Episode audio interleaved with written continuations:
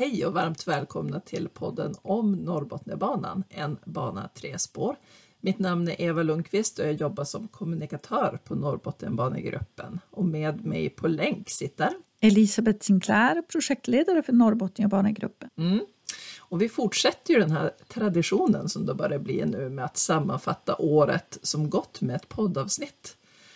Och vilket år 2020 har varit. Ja, helt crazy. Och det känns ju som man gasar nu på slutet när det är fullt fokus på Trafikverkets inriktningsbeslut. Verkligen.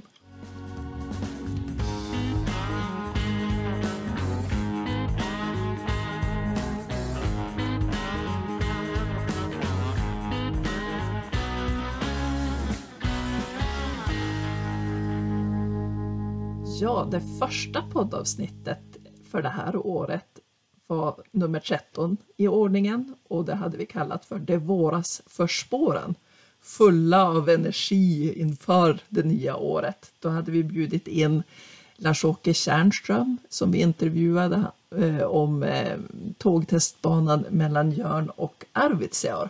Och det är alltid lika kul att höra hur det går med andra järnvägsprojekt, eller hur Elisabeth? Ja men så är det och eh, Lars-Åke han skickar en julhälsning och säger att arbetet fortgår och nu så förbereder sig Railtest Nordic för att kunna gå in som regional aktör och drifta och underhålla anläggningen. Så vi får fortsätta att följa det här projektet. Mm, för att Eh, behovet av tågtestbanor är ju stort och inte bara i Sverige. Nej, och vi får nog räkna med att det kommer att öka. Sannoliken. I samma avsnitt så pratade vi mycket om vikten av hållbara transporter. Transportsektorn står ju för en tredjedel av koldioxidutsläppen. Så det, det känns ju verkligen som det finns lite att jobba på där. Ja, verkligen. Och eh, vi har ju ett litet samarbete med 30-sekretariatet som arbetar för att minska koldioxidutsläppen med 70 procent fram till 2030.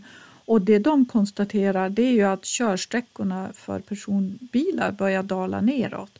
Och eh, man säger också att den spårbundna trafiken ökar mest och då i synnerhet den lokala och den regionala trafiken.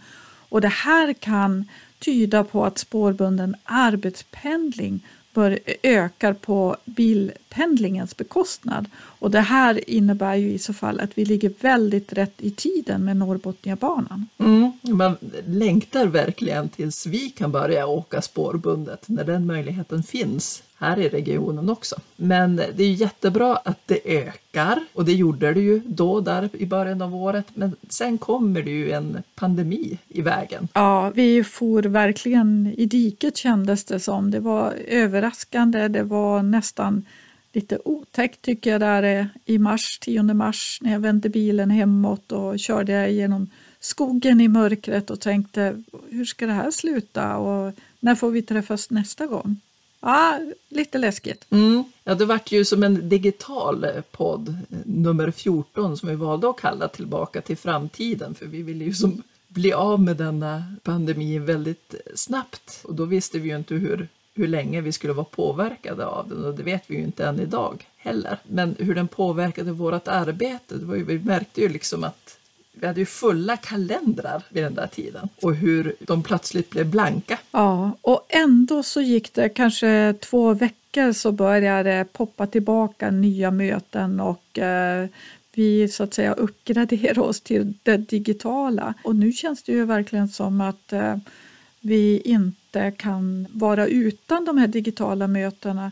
Och, men lite kan jag väl tycka att kalendern är väldigt full nu med möten. Precis, det är ju lättare att ta sig mellan möten idag. Man får inte den här inställelsetiden och den här efter ett möte när man som ska sondera tankarna. Det försvinner ju, man hoppar ju in och ut hur massa möten istället. Ja, det, det jag kan tycka det är ju att det är hur viktigt som helst att gå ut på lunchen och vila öronen lite grann. Mm, få lite syre.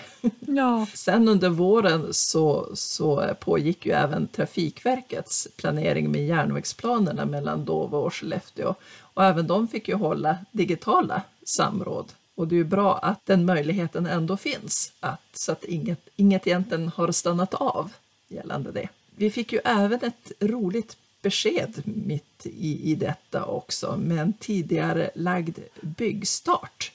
Vad var det och vad innebär det i praktiken egentligen? I den nuvarande nationella transportplanen så står det att eh, Norrbotniabanan kan tidigast byggstarta mellan Dova och Skellefteå 2024 till, nu kommer jag inte ihåg om det var 2029, men det var väldigt sent i alla fall, ett väldigt brett spann. Och det här tycker vi är alldeles för sent för byggstart. Men nu har arbetet löpt på så bra för Trafikverket att man eh, i den årliga översynen av eh, projekt som är tillräckligt mogna för att byggstarta så kunde regeringen säga att vi eh, tidigare lägger byggstarten från 2023 till 2025. Och det är ju en betydlig förbättring jämfört med vad det har stått tidigare i den nationella transportplanen. Mm. Och det var ju bra att du förtydligade där att, att det är byggstarten gällande Dåva-Skellefteå För bygget pågår ju verkligen redan för Norrbotniabanan, de första 12 kilometrarna. Sen så uttalade sig ju även finansminister Magdalena Andersson vikten av att satsa på infrastruktur också i, i sådana tider som, som är nu under en pandemi. Ja, och det hon sa det är ju att det är viktigt att genomföra redan beslutade infrastrukturprojekt som Norrbotniabanan, både för att motverka krisen och undvika att förvärra den. Och det här är ju någonting som man har gjort tidigare, att man ser att det skapar väldigt mycket nya jobb. Och vi vet ju också vad Norrbotniabanan kommer att betyda när den står färdigställd. Så att det här var ett mycket bra uttalande. Exakt så. Sen hade vi ju tänkt under våren ett besök på bygget av Norrbotniabanan. Men det blev ju senare lagt till sommaren istället. För, för mycket går ju att göra digitalt, men inte riktigt allt. Nu har jag fejat och putsat inför jul och det måste vara riktigt fint när främmat kommer. Ja, jag har bjudit hem 20 000 gäster, må ni tro. De står redan i hallen och väntar, eller sitter, eller står, eller springer omkring. Ja, ska vi se här. Och så in i vardagsrummet. Det är ju småkrypen i julgranen förstår ni. Först har vi hoppstjärtarna som kan ta jätteskutt på en decimeter med hjälp av hoppgaffeln under magen. Behövs när vi ska sjunga Små grodorna. Och på grenarna är det en rackars trafik av alla kvalster som far kors och tvärs. Nej, nu får ni lugna ner. Vad säger nu? Ja, där är spindlarna som snabbt hoppar ner och sätter sig bakom fåtöljen och spånar in läget. Lite blyga är de.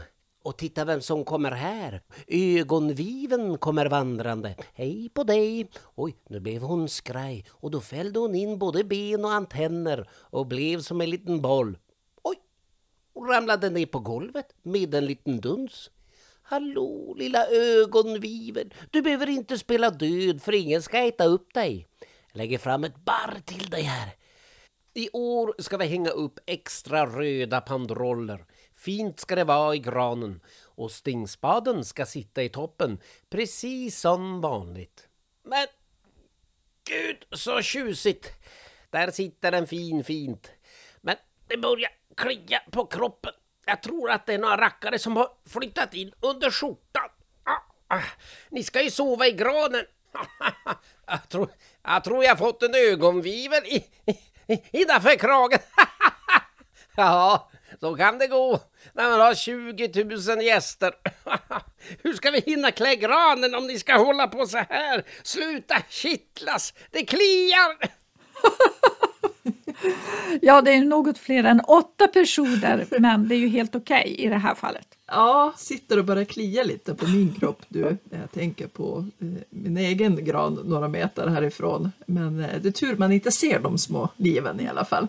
Ja, vi pratade ju tidigare om eh, bygget av Norrbotniabanan och vi hade ju förmånen att få träffa på Thomas Boström som är projektledare från Trafikverket på plats utanför Umeå. Och då spelade vi in faktiskt ett dubbelavsnitt, både där vi tog upp bygget av Norrbotniabanan i stort, men även eh, sträckan som pågår just nu mellan Umeå och Dova. Det var verkligen jättehärligt och jag minns att vi, vi stod vid en pinne eh, som indikerade det norra tunnelpåslaget där vid Ersmark. Men du hade ju förmånen att få besöka bygget nu tidigare i höstas. Var pinnen fortfarande kvar eller har de gjort någonting mera?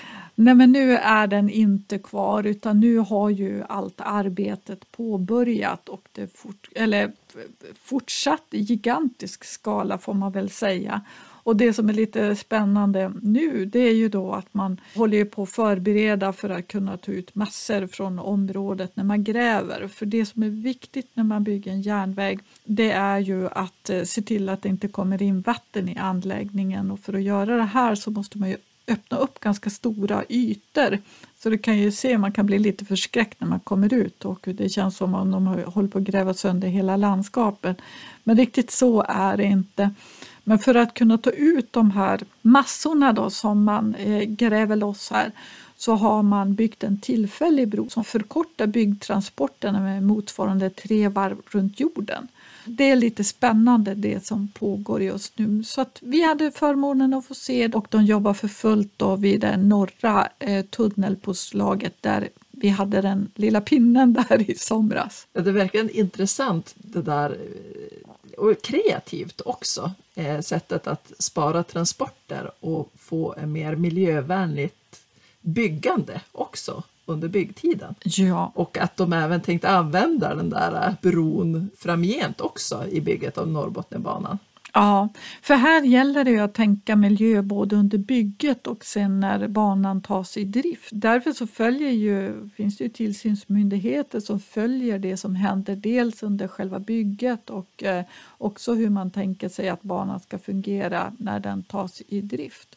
Men eh, att korta transportsträckorna för 50 000 vändor med dumprar motsvarande 12 000 mil det är ju en bedrift måste jag säga. Ja, riktigt bra. Efter det inspirerande studiebesöket som vi hade vid bygget av Norrbotniabanan så kom sommaren och när den var slut så passade vi på att fira en alldeles nybliven tioåring. Ja, Botniabanan som nu har haft trafik i tio år och som slår alla förväntningar när det gäller persontrafiken och fortsätter att öka. Lite tuffare har ju godstrafiken haft det. Inte för att det är eh, något fel på banan utan för att vi har haft för få lok i Sverige med, den nya, med det nya signalsystemet ERTMS. Men det ska vi väl få fart på så småningom. Mm. Vi får ju ofta frågan det här med varför byggs det inte dubbelspår direkt på Norrbotniabanan nu när vi ser också den stora ökningen på Botniabanan? Ja, dels har det ju varit en, vad ska man säga, en politisk eh, finansiell fråga för att på Botniabanan så skulle det kosta ytterligare en tredjedel för att få till ett dubbelspår och det var liksom som att man kanske rent politiskt inte lyckades som baxa igenom. Det var liksom lite en för stor eh, kaka att svälja. Men eh, både på Botniabanan och på Norrbotniabanan så får vi ju till det här funktionella dubbelspåret med, eh, på Norrbotniabanan då, med stambanan genom övre Norrland som är nog så bra, kanske inte alls så tokigt att det ligger en bit ifrån varandra. Men på Botniabanan är det ju faktum så att mellan Umeå östra och Umeås central så är det kapacitetsbrist och här skulle vi behöva bygga dubbelspår. Nu tror jag att det blir så att man kommer att bygga ytterligare ett eh, mötesspår där till att börja med för att försöka klara av trängseln mitt i stan. Så att eh, ja, men jobbar vi upp volymerna så kommer vi säkert att så småningom få till ett dubbelspår. Mm, precis. Ja, det, det är ju inget man hellre vill än att det skulle vara ett dubbelspår direkt på plats, men bättre att vi får ett spår i alla fall. Ja, och nu när vi pratar om bygge av spår så eh, kan jag ju nämna att i samma avsnitt så passade vi på att intervjua Maria Erlandsson och Marie Eriksson som bägge två är projektledare på Trafikverket och inte med samma uppdrag som Thomas Boström som vi nämnde tidigare som jobbar med bygget utan de jobbar med järnvägsplanerna.